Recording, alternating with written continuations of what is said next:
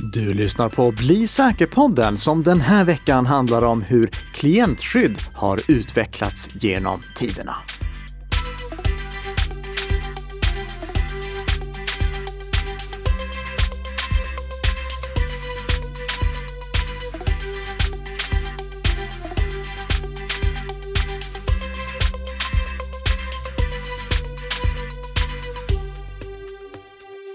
Ja, god morgon, god morgon och välkomna till Bli säker-podden som vanligtvis eh, hostas av mig, Nicka och Tess. Men Tess, hon är inte här. Hon är på semester. Men vad gör det? Vi kommer ha in en trevlig gäst istället som vi egentligen skulle ha träffat eh, så här face to face. Men eh, det gick ju inte i coronatider, så alldeles strax så kommer Johan Jarl från F-Secure att ringa in till oss via Skype istället. Och vi ska prata om hur klientskydd har utvecklats genom tiderna och vi kommer prata om hur klientskydd skyddar organisationens datorer och i viss mån även din privata dator där hemma. Men innan vi går in på det i den här podden som produceras i samarbete mellan Nikka Systems och Bredband2 så måste vi ju ta veckans snabbisar. I förra avsnittet, då pratade vi om månadens patch-tisdag och där fanns det inte några uppdateringar från Adobe, vilket gjorde mig lite konfunderad, för det brukar ju finnas sårbarheter i Adobes produkter som behöver åtgärdas. Och Ja, säkert som amen i kyrkan så dök de upp den här veckan istället. Så nu finns det 13 stycken sårbarheter som har åtgärdats i Adobe Reader, Adobe Acrobat Reader och eh, Pro-versionen av det populära pdf-programmet. Så se till att öppna Adobe Reader slash Acrobat Reader slash Acrobat Reader Pro om du har det på din dator och leta efter säkerhetsuppdateringar så att du har de senaste uppdateringarna installerade. Annars är risken att eh, din dator kan infekteras när du öppnar en infekterad pdf-fil. Sen så har vi lite coronanyheter också och det är goda sådana. För nu jobbar ju väldigt stora delar av Sveriges eh, befolkning på distans och då finns det behov av bra säkerhetsrelaterade verktyg att dra nytta av.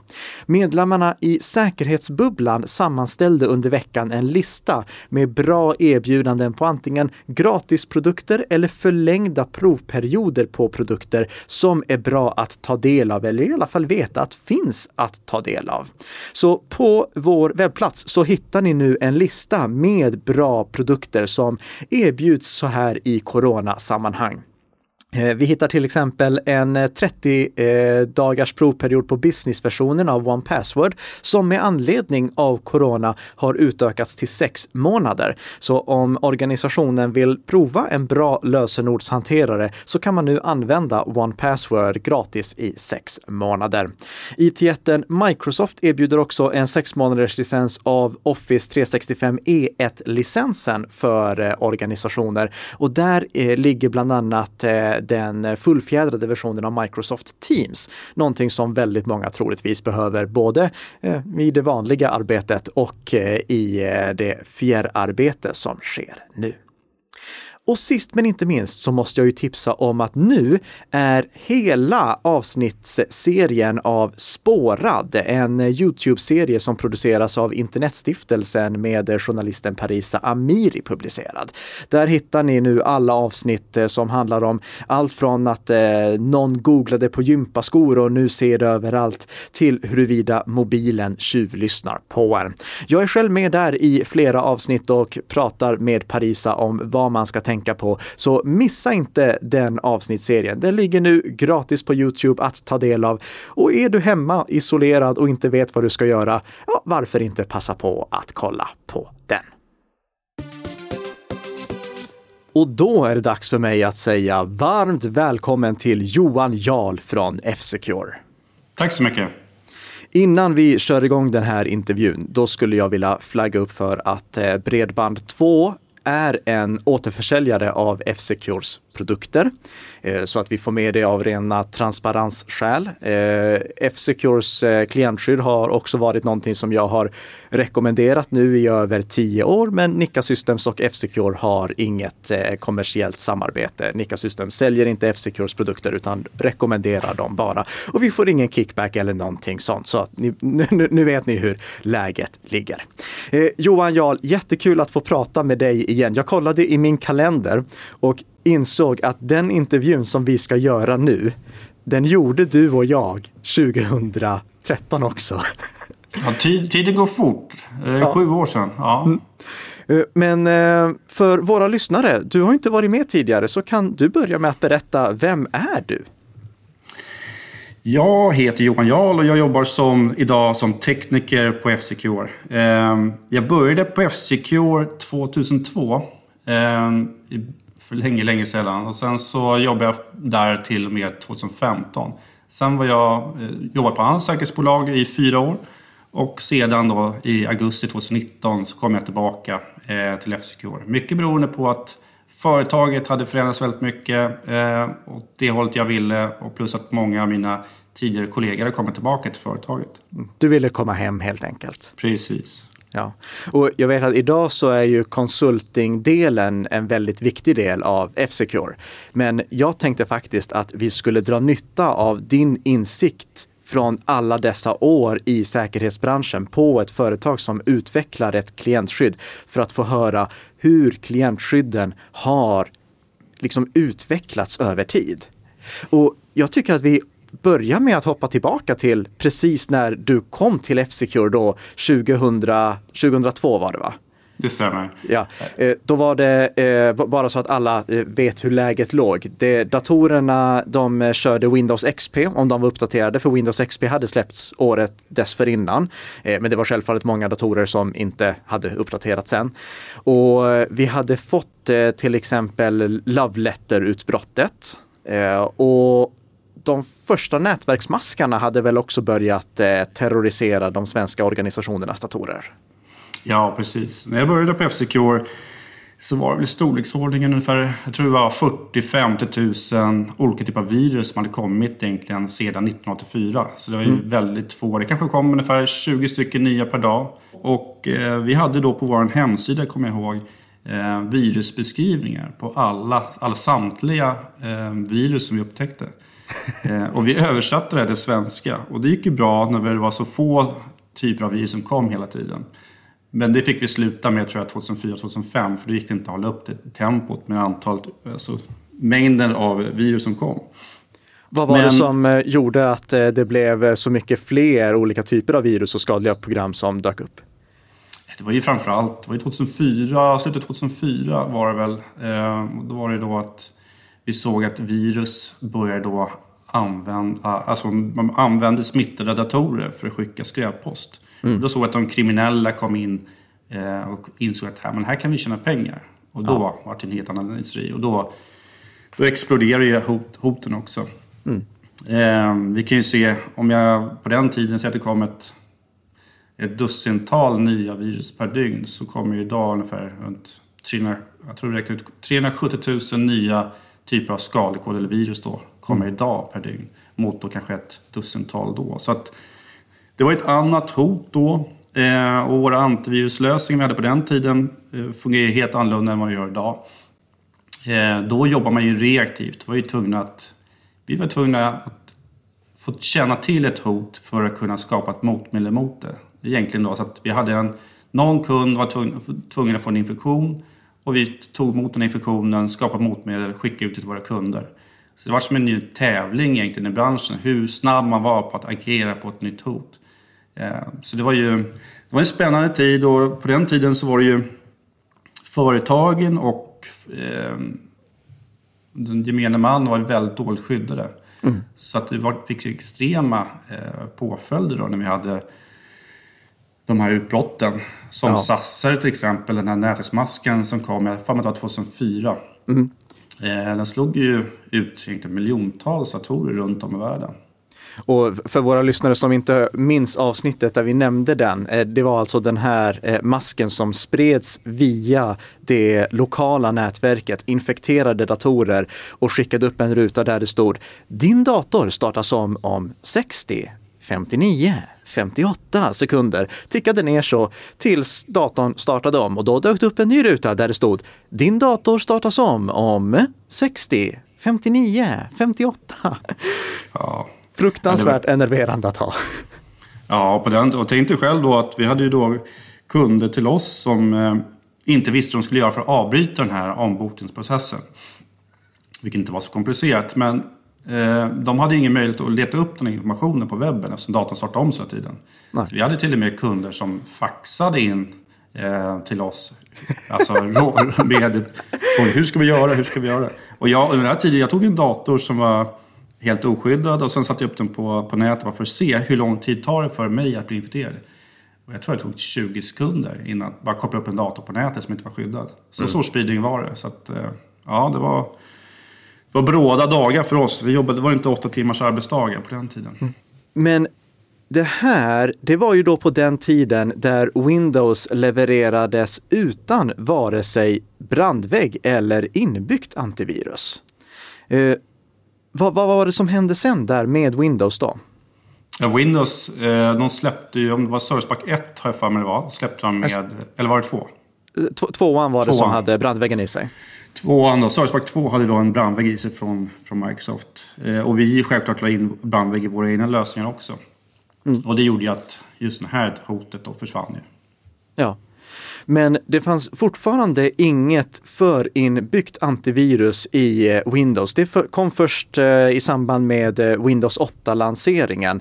Windows 7, där kunde man, kanske på Windows Vista-tiden också, kunde man ladda ner Microsoft Security Essentials till sin konsumentdator ifall man ville. Men man var annars tvungen att ha ett klientskydd slash antivirus från tredje part. Om vi backar tillbaka lite igen i tiden, för du, du pratade det här om att eh, eh, skydden var reaktiva. Ni var tvungna att eh, ha liksom färdiga definitioner för exakt hur de olika skadeprogrammen såg ut. Det låter väldigt ineffektivt, både ur sätt att kunna detektera någonting och när det gäller hur datorernas prestanda påverkas av att ha ett sådant antivirus körandes på datorn. Ja, precis. Tänk idag att vi har ju avtest.org de går ut med information om hur mycket eh, skadlig kod som finns där ute. Eh, och de, under 2019 så var den totala mängden hade passerat en miljard sedan 1984. Ja. Eh, så att, att ha då definitionsfiler på datorn för att hantera en miljard olika typer av skadlig kod, det, det funkar ju inte. Hur har ni förändrat produkten då för att kunna hänga med i liksom, den moderna hotbilden? Man ser, hotbilden har ju, som du säger, har ju förändrats kraftigt och vi ser även infektionsvektorn in på datoren har ju förändrats ju också fram och tillbaka i tiden. Vilket gör att vi har ju precis när det gäller all typ av säkerhet flera lager av säkerhet eh, i våran lösning som i den övriga säkerhetsmiljön. Eh, så idag så har vi ju mycket klart, ligger ju, information ligger uppe i molnet idag eh, Eh, i vårt säkerhetsmål. Så att till exempel att klickar du på en länk, ja då kontrolleras den här länken. Känner vi till den som skadlig eller inte för användaren, ska vi blockera den eller inte? Vi har fortfarande våra traditionella eh, sökmotorer kvar i produkten. Och då kan man fråga sig varför har man det när man inte kan hantera den stora mängden av hot? Jo, det är för att vi måste kunna även hantera eh, specifika stora attacker. Eh, har man de här traditionella sökmotorerna och man får en träff, då vet du exakt vad du råkat ut för. Och det får du inte ex exakt förklaring på en, en proaktiv sökmotor. Sen har vi också självklart med de här sökmotorerna. Det, ja. det, det, här du sa proaktiv sökmotor, vad, vad innebär det? Du... Att kunna hitta okända typer av hot. Alltså vi, vi har sökmotorer som hittar saker vi inte har skydd för idag. Hur, hur, hur går det till? Det går till på dels att eh, till exempel om vi, alla de här sökmotorerna vi har idag, om det ändå skulle gå igenom så kommer vi då göra andra typer av analyser. Vi kommer skicka då själva fingeravtrycket på filen upp till vårt moln. Titta, känner vi till den här filen? Eller ja eller nej? Eh, hur vanlig är den här filen? Har vi sett den någonstans förut? är, är jag först i världen på att klicka på den här, ja då är risken att den är skadlig större. Sen så gör vi då ytterligare, tittar ytterligare på den här koden under man exekverar den. Tittar på eh, vilka register den. försöker den eh, eh, använda någon, eh, använda någon sårbarhet, eh, försöker kryptera filer på datorn och så vidare.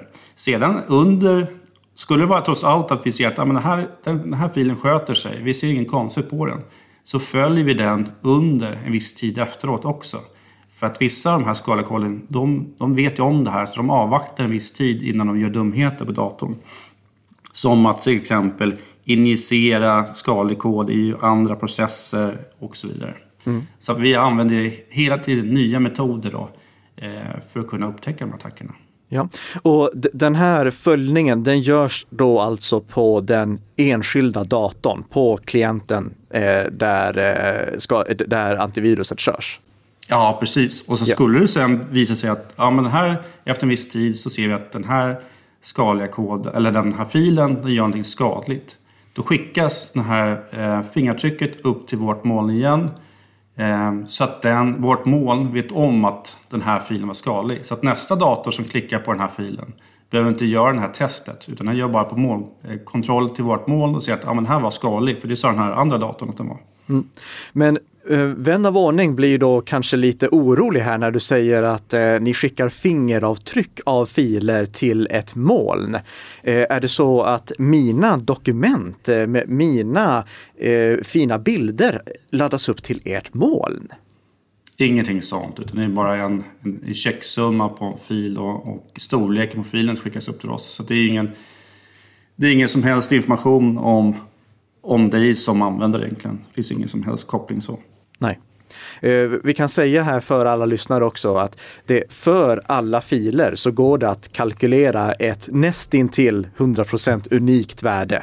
Eh, och det är alltså det värdet, alltså bara en, en siffer och textsträng som laddas upp. Det är inte något innehåll i filerna som lämnar datorerna, för det hade varit synnerligen integritetskränkande i, i min mening. Och väldigt prestandakrävande också för, för vår Jo, så, såklart, såklart. Så ni, ni, arbetar både med någon typ av molntjänst och eh, att analysera vad ett eh, eventuellt skadligt program gör på datorn för att kunna avgöra om det är skadligt eller inte. Eh, och jag, tror att det finns några som har Eh, alltså några lyssnare som känner igen det här för att vissa filer som man laddar ner som är skadliga, där, där hugger klientskyddet direkt och säger det här är, är, är ska, ett skadligt program. Det, det, här måste du eh, göra dig av med. Medan andra skadeprogram först detekteras i samband med att man har kört dem, i samband med att de har exekverats. Man får inte reda på direkt att det här är ett skadligt program. Eh, Sen så tyckte jag det var väldigt intressant att höra dig eh, nämna det här att ni också utgår från hur många olika, eh, eh, hur många gånger ni har sett den här filen tidigare. För det är klart att om eh, någon laddar ner till exempel Google Chrome, den senaste versionen av Google Chrome, den filen har funnits på väldigt, väldigt många datorer. Medan om det är någon som laddar ner ett helt nytt skadeprogram, ett skadeprogram som antingen är gjort i specifika versioner till alla som blir infekterade eller som bara inte har fått stor spridningen. Den filen, den finns ju inte någon annanstans då. Och utvecklare som lyssnar på det här är jag också övertygad om att känner igen det problemet. Att deras nya program som de precis har gjort i ordning, det falskflaggas för att det är så pass okänt. Hur gör ni för att minimera riskerna för den typen av feldetektering? Alltså eh, att eh, ni varnar för filer som ni tror är farliga, men som i själva verket inte är det. Det där är ju det här är en väldigt intressant fråga för att ett sånt här ett säkerhetsprogram, den, den ska ju absolut inte falsklarma. Det, det är ju syftet. Den ska bara stoppa det den känner till som är skadligt eller misstänker skadligt. Sen så är det precis som du säger, utvecklare kan få problem och då får man då göra speciella lösningar för, för de delarna. Jag brukar, mm. jag brukar jämföra falsklarm eh, säkerhet generellt med bilsäkerhet. I bilen så har vi säkerhetsbälte, en gammal beprövad teknik. Vi har airbags, vi har sidokrockkuddar, vi har ABS-bromsar, vi har vinterdäck och antisladdsystem eh, till exempel. En, ja. en, bil, jag vet inte, många bilar idag, eh, en bil som jag köpte för några år sedan hade ett system som heter Front Assist. Eh, vilket innebär att om ett, till exempel ett barn går ut framför bilen, om den kör fort, eller långsammare än 50 km timmen, så kan bilen tvärnita åt mig. Och det har ju mm. många bilar idag. Men jag kommer ihåg specifikt den här funktionen när jag hämtade ut den. Att då sa säljaren till mig att tänk på att stänga av den här funktionen om det är snöstorm ute. För den kan då bromsa, ah. tvärnita. Och det, var då jag gjorde den här kopplingen. Jag tänkte, ja, men det är precis som i, i, eh, i säkerhetsvärlden. Att desto mer lager av lager av lager vi lägger på och desto bättre skydd vi ska ha, desto högre risk är att vi, att vi får falsklarm. Det mm. viktiga mm. är ju såklart att vi inte får falsklarm på kritiska filer. Eh, så gör att eh, datorn inte fungerar till exempel. Eh, och det gör ju att vi har ju de här målkontrollerna. Att vi kollar är, hur vanlig är den här filen. Och vi har även vitlistning uppe i molnen för systemkritiska filer. Eh, det är bara titta. Va, va, va, vad är vitlistning? Bara så att alla vet. Att eh, är det här programmet signerad av det här, program, eller av det här företaget och vi har kontrollerat det så kan vi då lägga en lista så att vi kommer inte att kunna detektera det som någonting skadligt för den här filen är inte skadlig. Och, och framförallt i de, de kritiska filer handlar om i datorn, systemfiler. Eh, och, och om ett skadeprogram skulle antingen, eh, eller egentligen om ett skadeprogram skulle infektera den filen, då hade vare sig det här fingeravtrycket stämt längre eller signaturen på den som har publicerat programmet. Så det finns ingen risk att ett skadeprogram infekterar ett vitlistat program och därigenom kan infektera datorn. Nej, precis. Och jag skulle säga att falsklarm kan då, om man tittar historiskt sett, vara ett större problem än en skadlig kod. Ja, vi, ja, vi har ju sett i historiskt sett att eh, eh, olika företag och myndigheter har haft problem med falsklarm och det har påverkat infrastrukturen i, i, i Sverige. Eh, det är ju länge sedan, men jag har sett jag har sett olika saker som har hänt, inte bara från FCKs sida utan även konkurrenters sida. Eh, idag skulle jag säga att det traditionella falsklarmet som det var på den tiden, det är borttaget. Däremot som, som du sa, eh, att eh, utveckla kan ha problem, så, så kan det vara. Absolut. Och det, kan, det finns ju lösningar för att eh, se till att, att de kan arbeta med det de ska göra också. Ja, och lyckligtvis utvecklare, de känner till det här problemet. De är medvetna och kan eh, lösa det också. Men då kommer vi in på någonting annat som jag ser som ett stort problem med falsklarm. Och det är när vanliga människor varnas för att deras dator har blivit infekterad. För eh, jag vet själv när min mamma, hej mamma, jag vet att du lyssnar på den här podden, eh, får upp en varning om att eh, någonting har detekterats på hennes dator då blir ju hon ju väldigt nervös. Och eh, eh det, det, blir faktiskt jag också när jag, jag får upp en, en, varning om att eh, någonting har detekterats som skadlig kod. Vad gör ni för att eh, liksom, eh, ingen ska bli orolig när ett falsklarm dyker upp? Vad, vad kan man göra som användare när en dator varnar för att den har blivit infekterad? Då ska man kontakta oss såklart om man misstänker att det ja, misstänker att det är falsk, fa, äh, falsklarm, självklart mm. ska man kontakta oss. Eh, se till att vi kan åtgärda problemet eh, så fort som möjligt. Ja, och det, det, var lite en segway in där som jag skulle vilja komma in på. För idag finns det ju gratis klientskydd och det finns betalklientskydd. Supporten, det är väl en av de främsta skillnaderna mellan de här programmen. Eller finns det någonting mer som du upplever att skiljer ett eh, gratis klientskydd från en betaldito? Det är en jättebra fråga. Jag, jag är dåligt insatt i vad de gratisprogrammen kan eh, prestera. Eh, och vilka funktioner. Jag, tror, mm. jag, jag har svårt att tänka mig att man får ett lika eh, brett eh, som säga, funktion, alltså bredd på funktioner i lösningen på ett gratisprogramvara eh, kontra en programvara du betalar för. Och sen är det precis som du säger, supporten är extremt viktig eh, för de här användarna som kanske inte kan så mycket om datorer. Mm. Eller för organisationer som behöver hjälp också med att eh, hantera falsklarm som kommer i organisationens datorer. Absolut. Eh, eh, eller för den delen hantera riktiga larm som kommer på organisationens datorer. Eh, det som du är inne på nu med funktionaliteten, det är ju en annan sak som jag har sett att verkligen har förändrats i eh, Eh, klientskydden genom åren. Från att bara ha varit klassiska antivirus till att nu innehålla massvis av saker. Inte bara antivirus utan också brandvägg, surfskydd och liknande. Vad är det man får när man installerar till exempel då eh, ert klientskydd på en modern dator? Dels så får man ju ett, skydd med alla de här lagarna av säkerhet som vi pratar om. Ehm, vi har ju till exempel funktioner i, det beror på lite vilken typ av lösning man har, men automatisk uppdatering av programvara på datorn, alltså patchning av maskinerna. Mm. Se till att maskinerna har de senaste versionerna. Vi patchar allt från Adobe till vad det kan vara.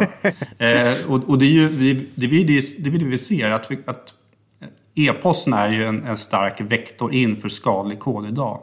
Eh, och där utnyttjar man ungefär kanske 80 procent av de här skadliga koden utnyttjar då sårbarheter i olika program i datorn. Så bara man ser till att programmen på datorerna är uppdaterade så har man bara där löst en stor del av sitt säkerhetsarbete. Så det är ju en sån här funktion som inte har med klassiska antivirusprogrammet alls att göra. Vi kan se till att patcha de programmen du har i datorn. Sen såklart så har vi byggt på med, med funktioner för att eh, hitta ransomware, eh, den här kidnappningsprogramvaran, problematiken som finns ute. Övervaka vissa, fi, alltså vissa kataloger på datorn, titta på om någon försöker kryptera och lägga, alltså ändra filerna på den och kunna stoppa det helt enkelt. Men hur vet eh, ni ifall det är en eh, utpressningstrojan som försöker kryptera mina filer eller om det är jag själv som vill kryptera mina filer? Då är det precis samma sak där som vi pratade med falsklarmen. Att där ser vi till att vi har ju programvaror som vi har som säger, vitlistat för att kunna göra de här sakerna som, som är godkända att göra det. Skulle du utveckla en egen programvara som börjar kryptera filer, ja då kommer den bli stoppad och du får göra ett undantag på, på just det programmet. Eh, så mm. att, eh, ja.